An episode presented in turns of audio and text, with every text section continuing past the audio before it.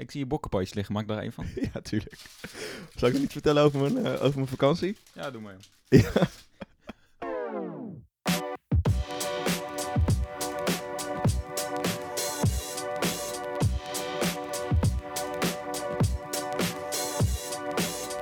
NPO Radio 1. KRO NCRW.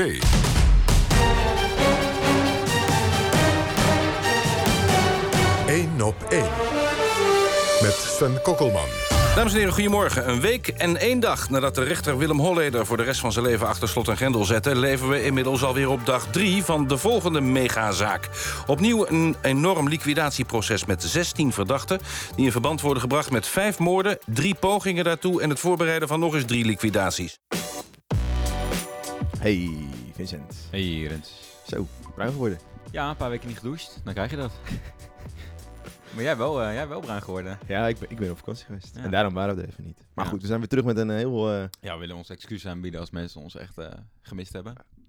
wel weinig gehoord hoor. Van, waar blijft die nieuwe aflevering Ja, ik nou? ook. Ik- Dan ga je toch twijfelen. Ja, Maar goed, wel een paar keer we doen gehoord. het ook meer voor onszelf. Dat toch? ook, dus ook, ook onze uh, tweewekelijkse meet-up. Ja. Anders zien we elkaar niet. Nee. Nee, maar je hoorde net eh, eh, een stukje uit het eh, Radio 1 eh, programma. We moeten praten één op één met Sven Kokkelman van afgelopen vrijdag, Ja. 12 juli. Het gaat over eh, alle media-aandacht en vooral alle, ja, alle media-aandacht voor alle Nederlandse grote criminelen. En we dachten, nou, weer een mooi moment om... eh, Mooi haakje. een mooi haakje om de geschiedenis weer in te duiken. Op zoek gaan naar andere grote criminelen. Volgens mij hebben we dit haakje een soort keer eerder gedaan met, met Holleder afgelopen seizoen. Maar goed, dus... eh, Ik zou niet durven zeggen eigenlijk. Met wie dan?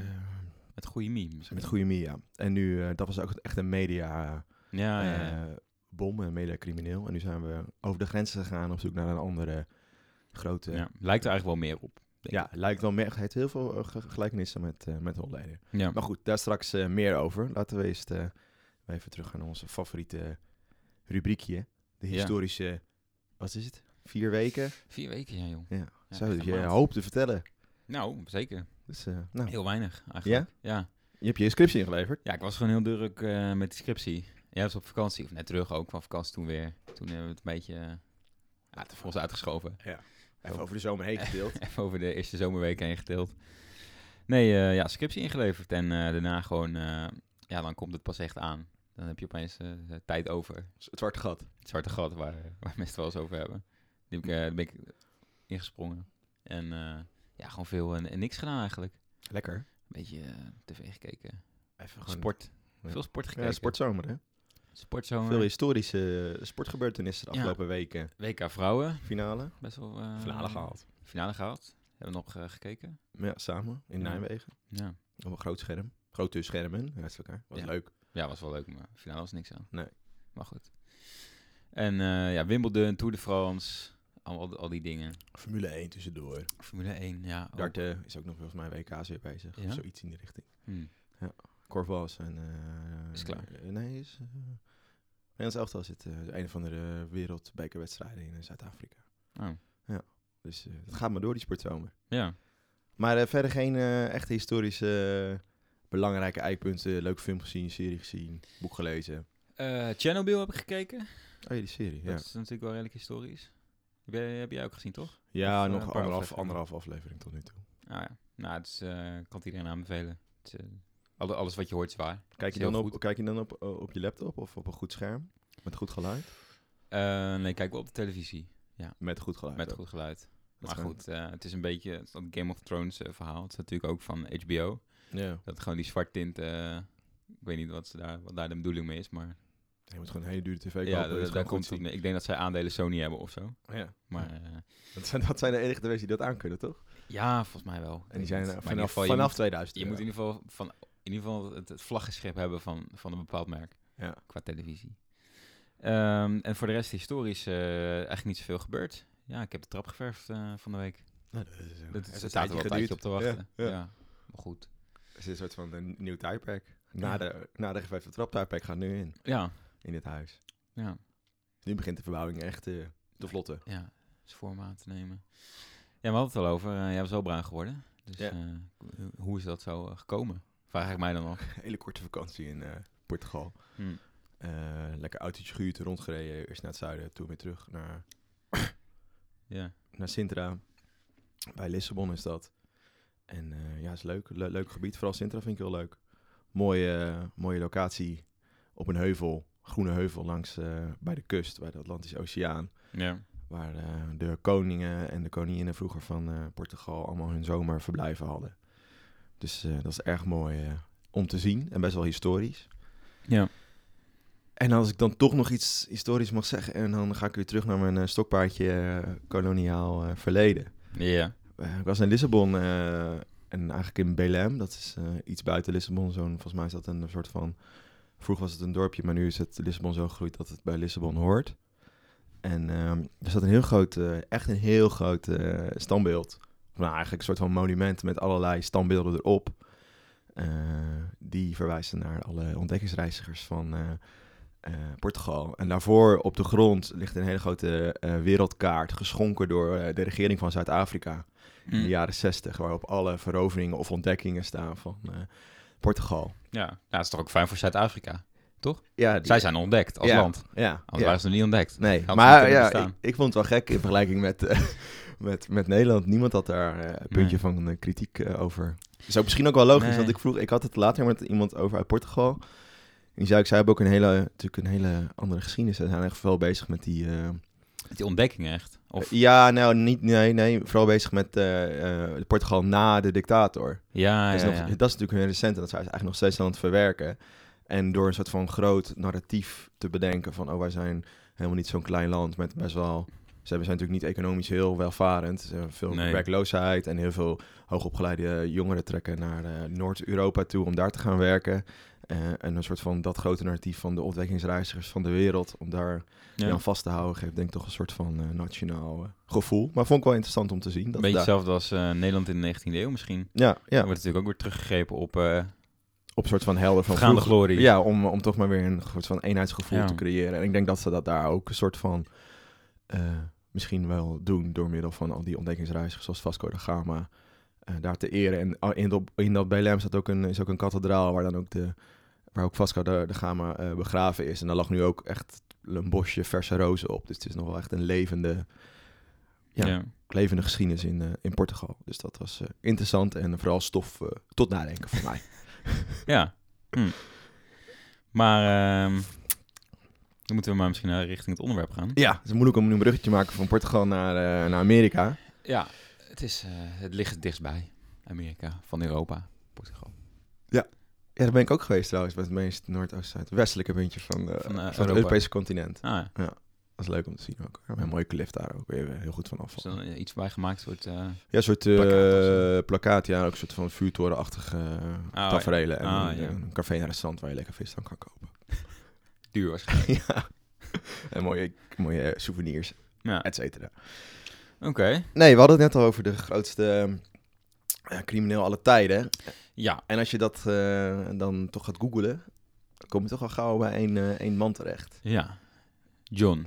John Dillinger. Dillinger. Ja, uit de jaren 30 eh, van de Verenigde Staten. Misschien ook wel bekend bij jullie. Er zijn best wel veel films over gemaakt. Best wel veel series over geschreven, boeken over geschreven, et cetera. De meest recente film over hem is Public Enemies. Of Public Enemy uit eh, Ja. 2009 met Johnny Depp in de, in de hoofdrol. Staat op Netflix. Ja, allemaal kijken. Nou, Duurt wel ik vond lang. het niet echt een heel leuke film. Ik heb hem nu een paar keer gezien, maar... Nou, je hebt hem toch een paar keer gezien. Maar vroeger vond ik hem heel leuk, maar nu Ja, nee, het is, het is niet heel enerverend. Nee. Denk ik. wordt heel erg ingezoomd op zo'n romantische... Ja. eh, Maar het past ook wel weer helemaal leven. bij, misschien bij het verhaal wat we nu gaan eh, vertellen. Ja, dus laten we beginnen bij het eh, begin. Ik zie dat jij een paar data hebt opgeschreven. Ja, Daar weet je toch altijd van? De nee, dat, zijn, feiten. dat zijn gewoon andere agendapunten van mij. Maar dan, nee, hij is geboren in, eh, in Indianapolis op Ja. eh, 22 juni 1903. Mhm. En eh, hij is doodgegaan in 1934. Is niet heel oud geworden. Dus hij is niet heel oud geworden. Nee, Nee. 31 jaar. Op de kop af bijna. 22 juli, dus een maand later is hij, eh, is hij overleden. En ehm ja, ik ken een moeilijke jeugd. Eigenlijk. Ja, welke vrouw- crimineel niet, hè? Welk crimineel niet? Is vaak de steen des aanstoots. Ja. Ehm, nee, zijn vader eh, ging, eh, ging scheiden van zijn moeder. Mhm. En ehm, toen, is hij, eh, toen, toen ging John mee met zijn vader en is hij in het nieuwe gezin eh, terechtgekomen. En, en zijn stiefmoeder eh, mishandelde hem ook. En eh, nou, het was allemaal gewoon eh, niet echt een pretje. Eh, en, en op jeugdige leeftijd, toen hij nog eh, op school zat, eh, was, hij, eh, was hij al hoofd van de, van de neighborhood gang. Van, eh, ja, hoe noem je dat? Qua jongens uit de, uit de buurt. Ja, dus eh, Toch? Het, het, zat, het, zat er al eh, het zat er al vroeg in, eigenlijk. Maar het is, duurt best wel lang voordat hij... Tenminste, als je, echt tot actie overgaat. ja, als je gaat lezen in zijn eh, biografieën, dan wordt er vaker gewezen op een overval op een eh, kruidenier. ja. In, ja, hij komt gewoon een beetje in dat verkeerde milieu terecht. Ja. Ehm, en nou ja, het begint eigenlijk al nog iets eerder. In, in 1923 eh, gaan we dan naartoe. Dus dan is hij 20 jaar. En dan, wordt hij, eh, dan is hij aan joyriden. Dus dat betekent eh, autorijden zonder, zonder rijbewijs. Ja. Eh, en dan wordt hij achtervolgd door de politie. En uiteindelijk kan hij ontsnappen door de auto uit te springen en weg te rennen, te voet Mhm. verder te gaan. En wat doet hij dan? Dan meldt hij zich aan bij de marine. Dat is denk ik de meest logische optie die je dan voorhanden hebt. Omdat je dan... Nou ja, dan, dan ontsnap je je, je, aan, je aanklacht, zeg maar. Dan Oh, dan mag je niet meer... eh, ge- Nee, dan mag je niet meer... nou ja, ik denk dan ga je een beetje op in de anonimiteit. En Ja. weet je, joyriden is natuurlijk ook niet eh, het meest erge wat je kan doen. Dus ik denk dat het allemaal wel prima is dan. Mhm. Zeker in Amerika. Ehm, maar wat hij... ehm, uiteindelijk komt hij dan... eh, dan deciteert hij daar. Dus dan loopt hij weg. Dan loopt hij weg. Ja. Ehm, en eh, nou, ja, dan komt hij een beetje in aanraking met, met, met, met verkeerde figuren. En eens, met één zo'n figuur, eh, met een andere crimineel, overvalt hij dan eh, de plaatselijke kruidenier in zijn eh, dorp waar Ja. hij woont, Ja. in eh, Indiana. Ehm, en uiteindelijk, die, het gaat niet helemaal goed bij die, bij die, bij die overval. En zijn handlanger die, die rent al weg met heel weinig buit, volgens mij. ja, in ieder geval heel weinig. En, en die handlanger die hoort een schot. Eh, dus die denkt, oh, die Dillinger heeft geschoten. Dus ofwel, het gaat, loopt gewoon helemaal uit de klauwen. Of Ja. Dillinger is dood. Of, of nou, in ieder geval, dus die rijdt weg met de vluchtauto. Dus Dill- Dillinger staat daar en kan nergens heen. Ja. En dan wordt hij dus, eh, gaat hij voor het eerst naar de gevangenis. En meteen voor tien jaar. En meteen voor tien jaar, ja. Ehm, ja, dan ga je naar verschillende sites kijken en dan komt er al een beetje naar boven wat er rond deze John Dillinger, wat verhaal, verhaal eromheen hangt. Dat het een soort van geromantiseerd figuur is, die eigenlijk slachtoffer is geworden van het systeem. Ja. Eh, want dan kan je ook lezen van ja, hij had geen advocaat en daardoor heeft hij maar schuldig eh, eh, gepleit. Mhm. En, en, en daardoor is hij uiteindelijk tien jaar naar de gevangenis gegaan. En hij is Ja. iets eerder dan vrijgekomen, door goed gedrag.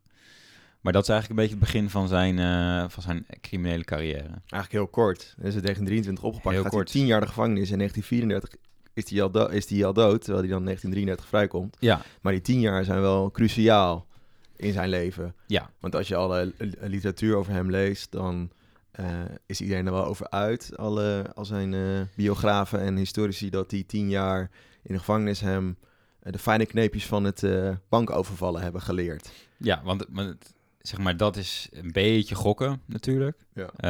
Maar hij zat in de gevangenis met, met beruchte bankovervallers, waarvan hij dat geleerd zou kunnen hebben. Eh, maar het simpele feit is dat hij eh, de gevangenis ingaat voor het overvallen van een, van een plaatselijke kruidenier. En Ja. nog geen maand nadat hij de gevangenis uit is, gaat hij banken overvallen. Dus ja, de, klaarblijkelijk is er daar wel iets gebeurd in die, in die tussenperiode. Ja. Dat is, dat is in principe wel een, eh, een verklaring, denk ik. Mhm. En dan komt hij dus vrij in eh, 1933 en dan heeft hij ook eens meteen een soort van groepje om zich heen. Tenminste, hij gaat niet in zijn eentje meteen eh, banken overvallen. Dus waarschijnlijk zijn Nee, hij heeft ook... een eh, lijstje met namen gekregen van, eh, van die, van die Ja. beruchte bankovervallers. Van ah, die kun je bellen, die kun je bellen, die is goed in autorijden, die is Ja. goed in... Een soort Oceans Ja, 11, precies. Oceans 12, Oceans Ja. 13, Oceans dus die 8. man had be- redelijk snel bij elkaar.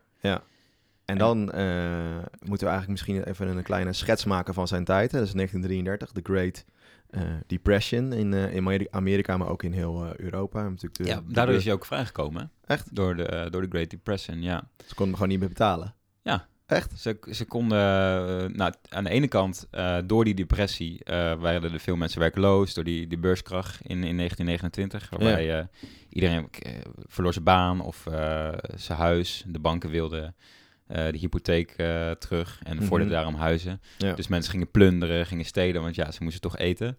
En daardoor kwamen er dus steeds meer mensen in de gevangenis. En, eh, en aan de andere kant eh, werden mensen dan ook weer sneller vrijgelaten, omdat het gewoon te veel werd.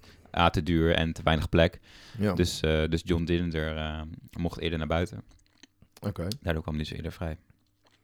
Maar goed dat je het dan eh, dat je het hebt over die, eh, over die Great eh, Depression. Want hij overvalt dan de banken. Jij zei net, die banken die, eh, die namen al het geld in of die eh, namen bezit van de huizen.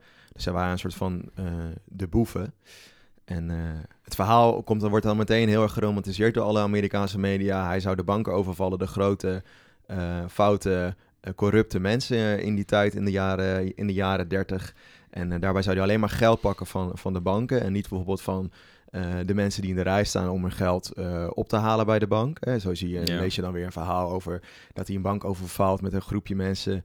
En zie je ook in die film Public Enemy eh, en dat er een boer staat. En dan vraagt hij aan die boer van, eh, oh wat voor geld is dat? Zegt hij, ja dat is mijn laatste, laatste spaargeld. Zegt hij, oh steek dat dan maar snel in je zak. Ja. En, dan, eh, en ondertussen eh, eh, rooft hij die hele, hele bank eh, leeg. Dus dan staat, wordt hij een soort van eh, social eh, bandit. Dat is een eh, term van eh, Erik eh, Hobsbawm en dat zie je wel heel vaak. Zegt die, die historische Hobsbawm dat in, in tijden dat het slecht gaat met de economie, er vaak grote boeven worden gezocht door het volk of door, ja, door de grote goegemeenten. Uh, en dat degene die die boeven, die grote boeven, uh, iets aandoet, dat worden dan gezien als een soort van Robin Hoods van die tijd. En dat zag je dan ook overal terugkomen in de kranten. Ja. Dus de bende van John Dillinger uh, werden gezien als de Robin Hoods van de tijd. Want ze, stalen, ze stelen, stilden van de, van de rijken, dus van de banken. En uh, deden dat niet uh, bij de armen. Maar het is niet zo dat hij het geld gaf aan de armen. Hij, volgens mij stak hij alles in, uh, in eigen zak. Ja, en, en daarbij heeft hij uh, meerdere mensen uh, doodgeschoten. Toevallige bij, omstanders. Het, is, het is een heel tweeledig verhaal. En uh, ook de manier waarop hij banken beroofde. Het werd een soort celebrity eigenlijk, een, een beroemdheid. Ja. Uh, tenminste, dat lees je dan. Hè? Dus het is heel erg de vraag van wanneer zijn deze verhalen nou verzonnen of, uh, of onderdeel geworden van, van het narratief van John Dillinger. Want, ja. Nou, klaarblijkelijk kwam hij dus met zo'n uh, met zo'n Tommy gun. Ik weet niet of je weet wat dat is. Uh, dat is zo'n automatisch wapen. Zo'n automatisch wapen met ja. zo'n ronde, uh, ronde oh, magazijn eraan. Ja. Dan kwam die, die bank binnengelopen als eerste en dan sprong hij op de toonbank en dan, dan zegt hij, ik ben John Dillinger en iedereen op de vloer en dan kwam dan de rest van de crew kwam binnen en, en wat ze dan deden, dan namen ze vaak drie, vier gijzelaars namen ze mee mm -hmm. In, een, in een vluchtwagen en dan reden ze naar de rand van de stad en dan werden ze daar weer afgezet. Dus die gijzelaars waren een soort van menselijke schilden. Yeah. En, dan, uh, en wat je zegt, wat hij dan ook deed, uh, dan gaf hij die mensen wat geld voor de taxi terug naar huis, weet je wel. Oh, ja. Zeg maar, ja. dus dat soort verhalen uh, gingen wel de ronde. Maar ja, in hoeverre dat dan allemaal echt waar is, dat is een beetje lastig in te schatten. Uh -huh. En ik denk dat het daarmee ook wel redelijk aansluit bij, bij Willem Holleder. Ja. Wat, wat, dat betreft, want dan, daar hoor je ook wel van, ja, ja, weet je, hij heeft daar echt zelf die mensen omgelegd of...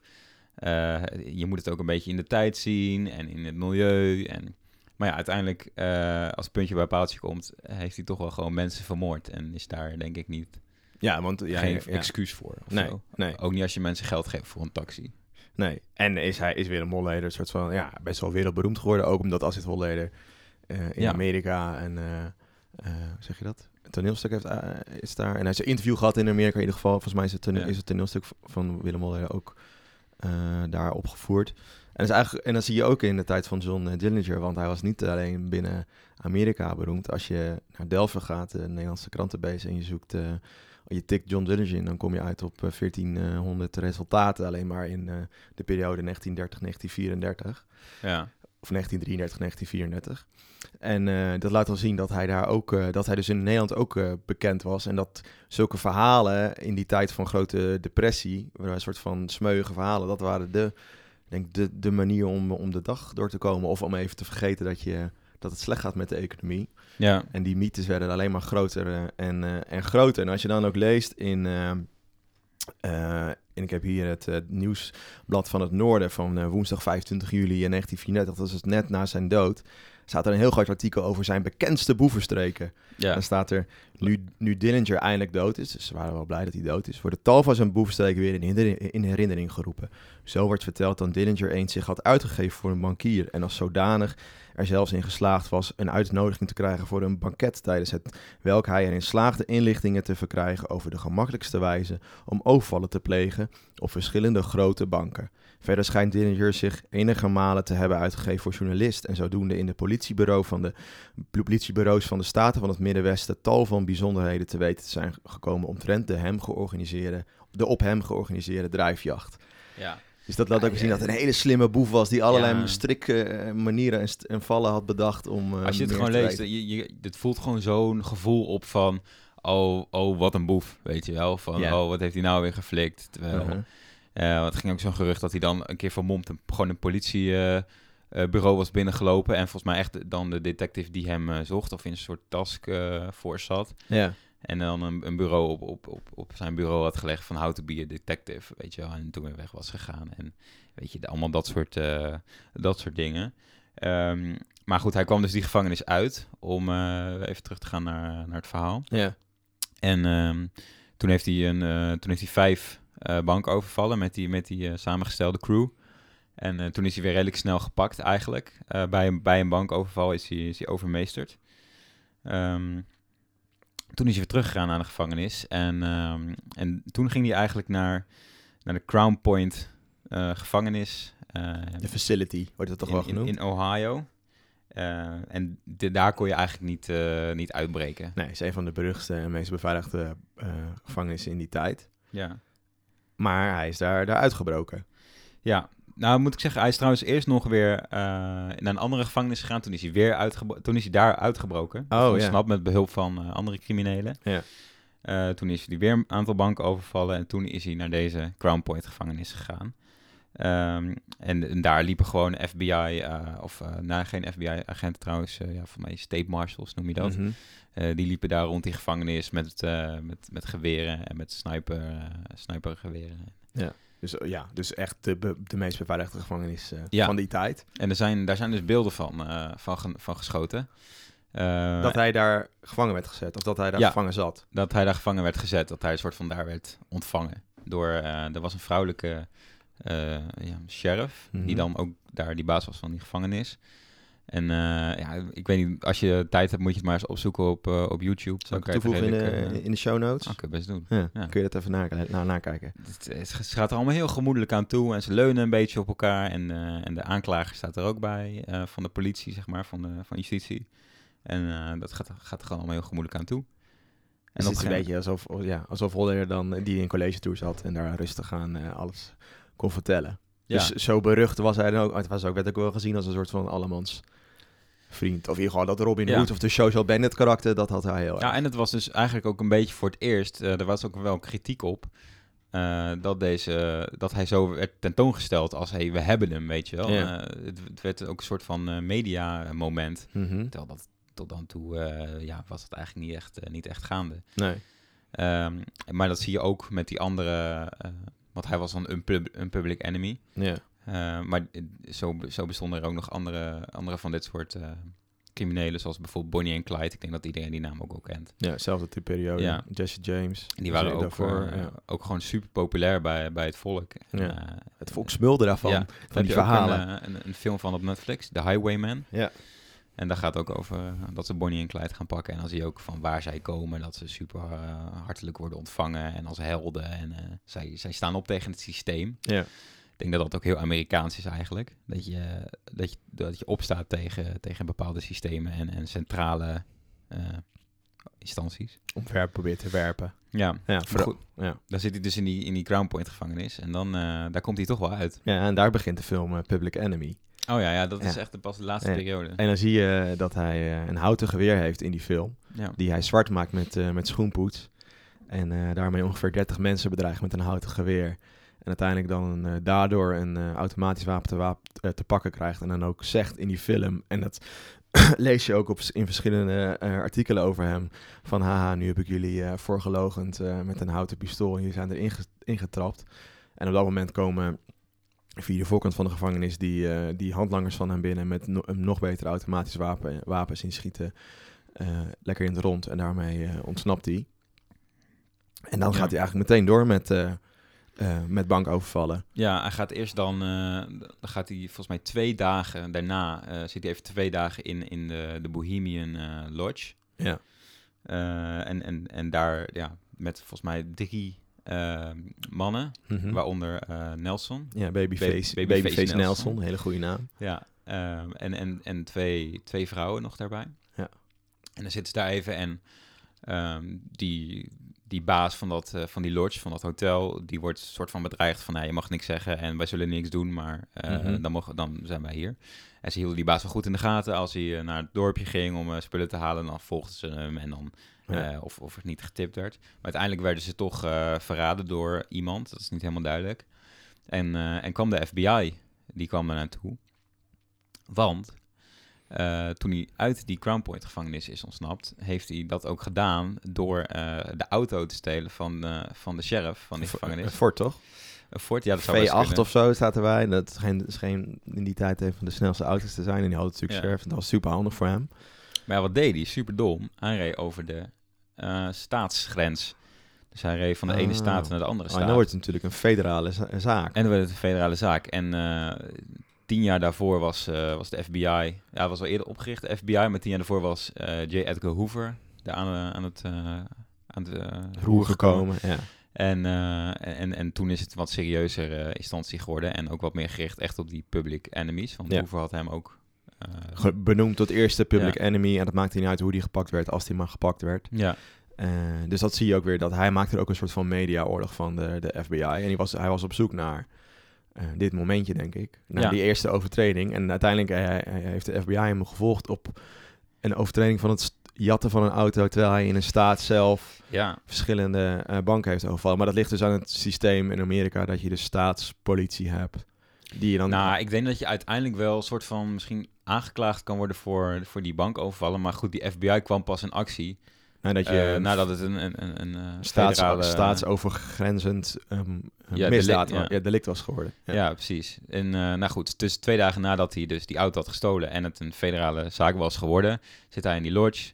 En daar komt de FBI dan voor het eerst in, echt in aanraking met, met Dillinger. Eh, eigenlijk super makkelijk. Het is gewoon een huis. Ik weet niet met hoeveel agenten ze waren, maar goed, dat moet in principe te doen zijn geweest. Maar op een of andere manier ontsnappen ze, Dillinger en, en zijn twee andere mannelijke reisgenoten die daar ook waren. En, en die vrouw die, die bleef daarachter. En door een, door een raam eh, ontsnappen ze. En in een soort schermutseling met de FBI schiet de FBI ook twee of drie eh, onschuldige bijstanders dood. Dus voor de FBI was het niet echt een hele zuivere zaak. Nee, het was geen goede publiciteit voor Nee, ze. precies. Dus, en eh, toen werd het nog, nog meer een echt een, een prestige ding, ook voor de FBI.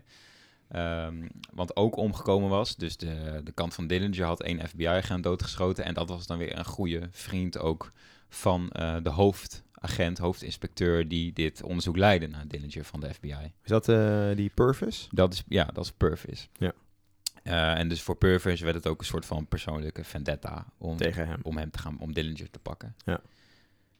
En, eh, En toen ga- daarna zijn ze dus weer, eh, is Dillinger ontsnapt en heeft hij nog een aantal, eh, aantal banken overvallen. en ook een klein beetje plastische chirurgie gedaan, toch? Ook uiteindelijk een klein beetje plastische chirurgie gedaan inderdaad, om niet herkenbaar te zijn. Hij had volgens Ja. mij een keltje in zijn kin, die heeft hij op laten vullen. Ja. Wat had hij nog meer gedaan? Volgens, ook zijn skin of zijn, Ja. huid gekleurd. Op een Ja, of zoiets, manier. ja. En iets met een litteken wegwerken ergens. Die later weer Oh ja, waarschijnlijk littekens en, eh, en eh, moedervlekken en dat soort dingen. eh, Ja, birthmarks, werden ja. allemaal weg. maar dat laat dus zien... eh, En het, het schijnt ook dat hij gezegd heeft dat het klaar was, dat hij in de spiegel keek. Dat hij zegt, dat hij zei van, hé, hey, ik lijk echt nog precies op wie ik was of zo. ja. En, maar dat, aan de andere kant dat hij ook een keer toevallig langs echt FBI-agenten liep die hem niet herkenden. En Ja. dat het dus ook wel een beetje werkte. Maar Maar toch is hij uiteindelijk, uiteindelijk is hij... is hij opgepakt. En daar begint Ja. eigenlijk een heel... eh, misschien wel het meest romantische en overdreven stukje van zijn, eh, van zijn leven. ja, Want hij eh, ontmoet natuurlijk in, zijn, in die tijd veel vrouwen. waaronder ene Anna Sage. ja. Dat is best wel lang zijn een soort van vriendin geweest. Zij was een soort zangeres in die tijd. En ja, ze ontmoeten elkaar in het, in het cabaret. Dus moeten een soort van café waar gezongen werd en optredens waren en jazzmuziek vooral. Ehm, maar eh, hij ging ook veel eh, naar de hoeren toe en dan moet ook een, eh, een, een madame, dus een, ja, Mhm. een hoer toch? Ja. ja. Of ja, meer, meer de baas van, een bazin van het Een- bordeel, Ja, van de brothel. een pooier. Ja, een pooier, maar dan een vrouwelijke pooier. Ja. En het schijnt dat die woman in red dress, de, de red woman werd ze genoemd, Ja. uiteindelijk hem verraden heeft. Want ze gingen samen naar het... eh, eh, Ja, want, want zij heeft hem verraden omdat zij eh, werd aangeklaagd voor prostitutie, wat, wat verboden was. En daardoor zou worden uitgezet uit de Verenigde Staten. ja, want ze kwamen uit ze Roe- Roemeense en Oh ja. Oostenrijkse, Ja. Oostenrijk-Hongaarse roots. Toen is een dealtje gesloten met de FBI dat dat niet zou gebeuren als zij Dillinger zou. Ja, maar het is wel een beetje onduidelijk. Dat is, mensen zijn er niet helemaal over eens. Maar eh, andere mensen zeggen ook, want stond 10.000 euro op, 10.000 dollar op zijn hoofd. Ja, dus dat dat ook wel interessant was voor haar. Ja, ja. Eh, maar goed, het verhaal gaat dat ze met z'n tweeën naar de, met z'n drie eigenlijk, met nog, met echt een, dus hij, zij was dan de madame en, en ze had een hoer meegenomen. Eh, en ze gingen met z'n drieën naar het theater. Eh, en ondertussen had zij ingefluisterd bij de FBI, nou let op, we gaan met z'n drieën naar het theater en eh, we gaan zo en zo laat lopen eruit ja, naar de Eh, bios. naar de bios en dan kun je ons opwachten. En in die bios draaide dan een film Ja, die dan ging over een soort van soortgelijke figuur als, als Dillinger. ja een soort van Robin Hood van die tijd, Ja, toch? ja, ja het werd gespeeld door Clark Gable, echt de, de ster van die tijd. Ja. En eh, ja, uiteindelijk, het kwam erop neer dat, eh, er was ook een rechtszaak geloof ik in die film. En uiteindelijk moest die crimineel moest ook zijn leven, eh, zijn criminele leven met, met de dood bekopen. Ja. Dus eh, ja, Ja, en dan lopen ze dat, lopen ze, zijn ze onderweg volgens mij naar, naar die bioscoop, toch? Naar, naar- of komen ze uit die bioscoop? In nee, ze geval. hebben de hele film afgekeken. ze, hebben, oh, ze komen dus uit de bioscoop en dan wordt hij er eigenlijk ingeluist. En wordt hij doodgeschoten. Ja, nou, de- de- eh, die FBI-agenten die, die hadden dus die tip gekregen. Ja, die Purvis weer, hè? Dus, Purvis. ja, die, die, die verdoonlijke, eh, persoonlijke fate had tegen Ja. hem. die En schijnt die, de laatste twee dodelijke schoten te hebben afgevuurd. Die hebben zich ja, rond, die, rond die bioscoop opgesteld. En eh kregen ze nog bezoek van, eh, van de lokale politie. Die, eh, van de, in Chicago was dit. Ja. Die vroeg van, hé, hey, waar zijn jullie mee bezig? Het was toen, toen ook nog een beetje met die FBI en lokale politie. Dat, en volgens mij zie je dat nog steeds, is dat een beetje cliché in Ja. films en zo. Dat het altijd een beetje ge- gezeik is van, wie is hier de baas? Mhm. Maar goed, uiteindelijk vond de lokale politie vond het goed. Ehm, en toen, eh, toen kwam de bioscoop eh, uit en toen is hij nog een stukje gelopen, geloof ik. Het is een sigaar opgestoken, lees je overal. Ja, Purvis. Ja. Als, eh, als, Als te- teken. als teken van we moeten hem pakken. Want Ja. ze wilden hem eigenlijk wilden ze hem eh, levend pakken, zeggen ze. Ja. En, en toen, ja, in het, in het verslag staat ook, en ook in het krantenartikel dat daar later verscheen over deze aangelegenheid, dat hij, dat hij greep naar een, naar een wapen en dat ze Ja. toen hebben geschoten.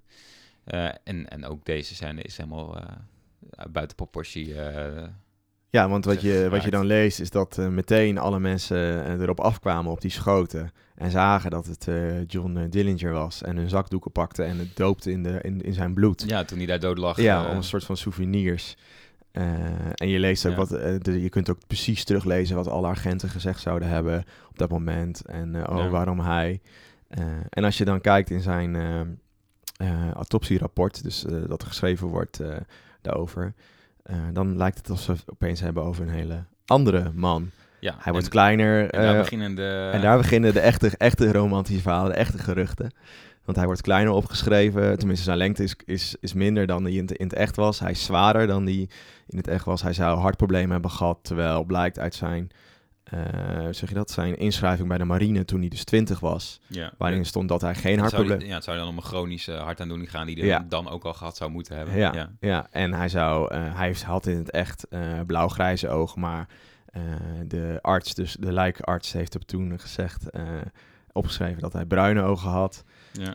En op foto's die dus gemaakt zijn van dat plaatsdelict zie je onder het dekentje waar hij ligt een enorme bobbel eh, bij zijn kruis. Wat, Ja. op zo, wat toen enorm werd vergroot dat Don Dillinger ook een enorme penis had. En daar werd heel erg op ingezoomd, ook op die enorme penis. Van let op, eh, hij was niet zomaar ook een Robin Hood, maar was ook een soort van seksfiguur geworden. Of sekssymbool in die tijd. Ja. En daar, eh, dat was gauw onkracht ook weer ontkracht in de kranten, want eh, dat zou gewoon gaan over, eh, over zijn hand en zijn pols die precies daar gelegen had. En door de lijkstijfheid, dus de rigor mortis, enorm was opgebold onder het, onder het dekentje. Ja. Maar desondanks zeggen nog heel veel mensen, nou niet heel veel mensen, maar er zijn verschillende boeken over geschreven dat hij toen helemaal niet is vermoord, maar een andere man is vermoord in plaats van hem. Waar, en die naam hebben ze ook. Hè, die naam maken is ook bekend. En die zou ook John Dillinger, Dill- Dillinger hebben gekend. En ongeveer dezelfde, hetzelfde figuur hebben dan, eh, dan hij. En hij zou ook gezegd hebben tegen John Dillinger... ja, ik wil wel jouw stand-in zijn. Maakt me niet uit eh, of ik, eh, of ik doodga. En de belangrijkste man die dat onderzoekt is J. Robert Nash... En zijn verhalen worden eigenlijk alleen maar aangedikt als in 1959. Hè? Dat is dus een stuk later na zijn dood. 24 jaar? Ja, 25 jaar. Ja. Na zijn dood eh, de, in een krant verschijnt eh, en, wordt een, een brief ingestuurd waarin staat... er wordt een brief, er wordt eigenlijk een brief gestuurd van ene John Dillinger die zegt... in de Annapolis Star schrijft hij... Dear Sir, on the 22nd of July, the 20th anniversary of the slaying of John Dillinger at the Biograph Theater in Chicago, please put my picture in your paper with a write-up if you wish. Wish. I have always had a keen sense of impending danger, therefore I knew they were setting a trap on for me. James Lawrence, an empl- employee, employee of the Chicago Board of Trade, said, To prove I was superstitious, he would take my place and say he was Dillinger. Dus dat is zijn stand-in, die Ja. James Lawrence. I warned him it meant his death. Although the body was ident- identified as mine, the face and fingerprints did not match. To prove the facts, I'm sending a photo of John Dillinger as he appears today. Sincerely, sincerely John H. Dillinger. En dan zet, zet hij een foto bij eh, van hoe hij er nu uit zou zien, 1959. En dit gaat zo door. In 1963 stuurt hij naar een andere krant die brief.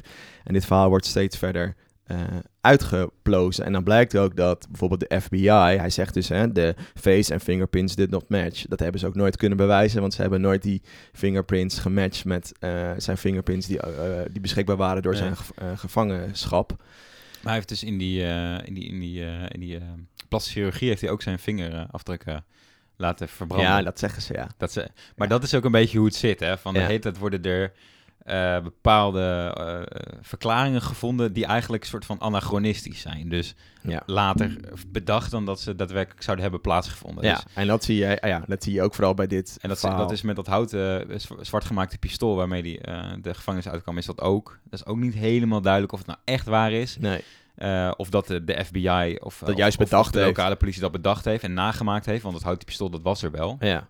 Dus of dat object gemaakt is om een soort van nou ja, te verantwoorden dat hij uit die gevangenis ontsnapt was waar je niet uit kon ontsnappen. Dat het Ja. meer een soort list was in plaats Ja. van een soort beveiligings link. Ja. Ja. Dus dat, dat, dat lees je de hele tijd. Ja. En dan, en dan zie je ook dat bijvoorbeeld... ehm, dat is ook wel een mooi argument van die eh, J. Robert Nash... waarom hij nog zou leven, dus waarom hij niet werd doodgeschoten in 1934... is dat eh, hij wordt dan begraven, zijn, zijn lichaam. Eh, en de FBI en de politie willen graag eh, zijn lichaam tot beschikking hebben... van kijk wat er mee, gebeurd is. Maar dan lees je opeens dat de vader van John Dillinger... met een grote truck vol met cement...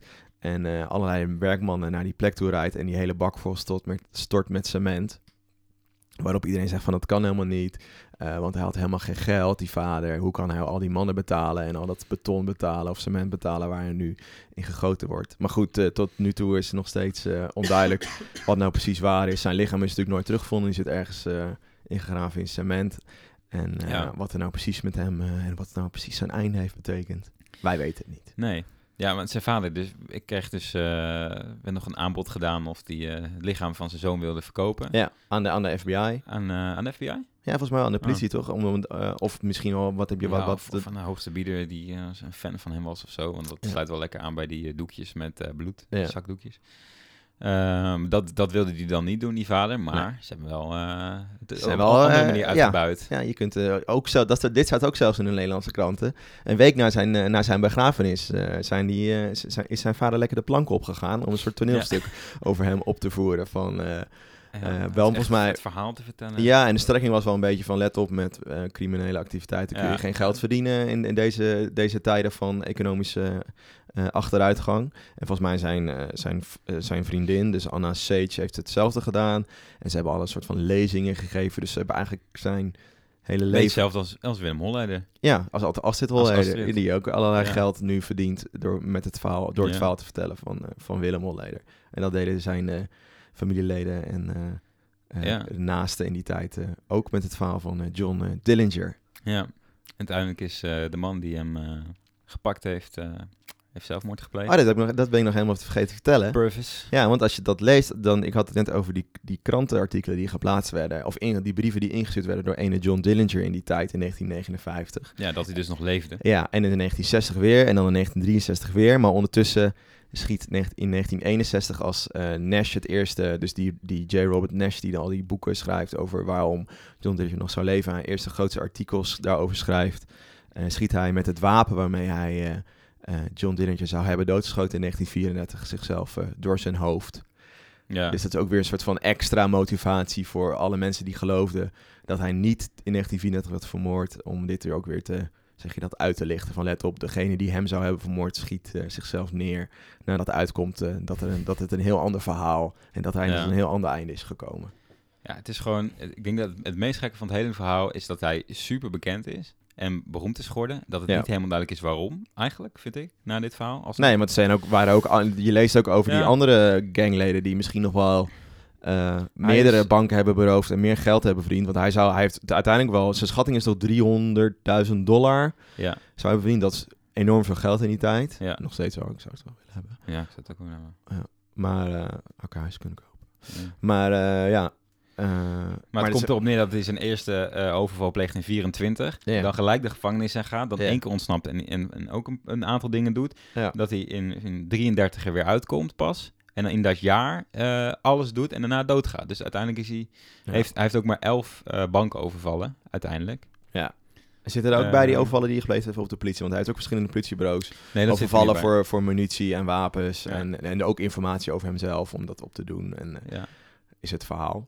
Ja, misschien is de rol van de FBI wel heel belangrijk ook hierin geweest. Die toch een soort van Zij hebben hem natuurlijk wel groter gemaakt. door hem te We benoemen noemen tot als, de eh, eerste ja. public enemy van, van Amerika. Ja. En geld op zijn hoofd te zetten.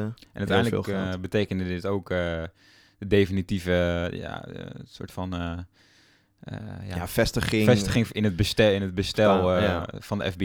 Ja, in, Amerika. In, de handhaving, zeg maar. eh, Ja, en dat en, leverde en ook samen met andere eh, public enemies, zoals eh, Bonnie, eh, Bonnie Clyde en eh El Baby- Capone, en Babyface Nelson. Babyface Nelson. Eh, waaraan duidelijk werd dat er toch wel echt wel behoefte was aan zo'n federale eh, Zo'n- politie. Ja, zoveel ja, toezicht. Want tot dan toe was natuurlijk Amerika federale ding. Dat is een beetje vloek in de kerk, maar... Dat hadden ze wel nodig. Ja. Nou, ik denk dat het een eh, goede aflevering is geweest. Lang. Ja, is het lang? Hij is wel lang. Ja. Nou, Maar het is wel eh, de, de waren leuke een onderwerp. En, het- geweest. ja, en het is een romantisch verhaal waar je, we kunnen er volgens mij nog uren over vertellen. Want het schijnt Ja. ook nog een link te zijn tussen Al Capone en eh, John Dillinger. John Vast. Dillinger zou eerst in de, in de soort van gang hebben gezeten van Al Capone. En daarna, omdat hij te agressief zou zijn geweest, daar uitgezet zijn. Dat zijn de, Hmm. eh, de rumors op internet. Maar ik weet niet of dat waar is. Ja, internet is niet altijd waar. Nou, wel vaak hoor. Vaak wel. Ja. Ik heb zo'n filter ervoor. Kijken, ja. Nee, eh, leuk. Ja, ik moet, eh, op, ik moet, me- ik moet mijn bed nog opmaken, joh. Oh, ja. Ik, ga, ik ga op vakantie, ja, over twee weken. Oh, hoe gaan we het dan de volgende keer Ja, dan doen? moeten we even kijken. Of we zijn er weer een maand weg. Of eh, we moeten even eh, Van tevoren. volgende week doen of iets anders. Maar Is goed. Nou, als je we er weer een maand weg zijn, dan weet je waar het ligt. En anders eh, heb je geluk. Ja. Laten we het zo eh, even stellen. Ja, bedankt voor het luisteren. Eh, geniet ervan eh, tijdens je, als je op vakantie bent. Ja, wordt, je, eh, in het zwembad. En met deze podcast op. En eh, als je nog eens denkt over Holleder of eh, nu de grote criminele eh, rechtszaak op dit moment is. ja, rechtszaak is altijd crimineel. De grote rechtszaak. Vaak wel. Nou, niet per se. Je kan ook niet schuldig Oh. bevonden worden. Oh ja. ben je geen crimineel. Maar de, de, de, de grote rechtszaak op dit moment is tegen, tegen Taki. Ja. En, Ja, als je, ja, Mafia. Ja, dus als je, daar, als je daaraan denkt, denk dan ook nog eens een keer aan John Dillinger. Ja. Nou, bedankt voor het luisteren. Vergeet niet je te abonneren en door te vertellen. En laat even een reactie achter. Zodat andere mensen ons eh, ook eh, weer eh, beter kunnen vinden. Yes. Later. Bedankt. Dag. Yo.